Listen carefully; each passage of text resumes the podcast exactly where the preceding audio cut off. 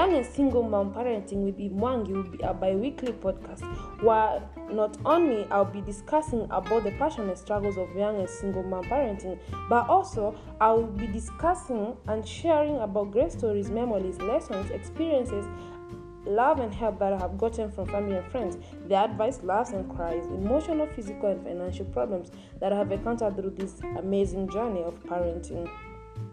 And also, I'll be inviting single moms to share their experiences.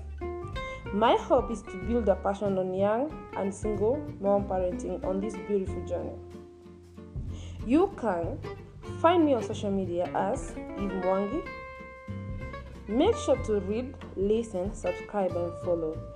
Thank you.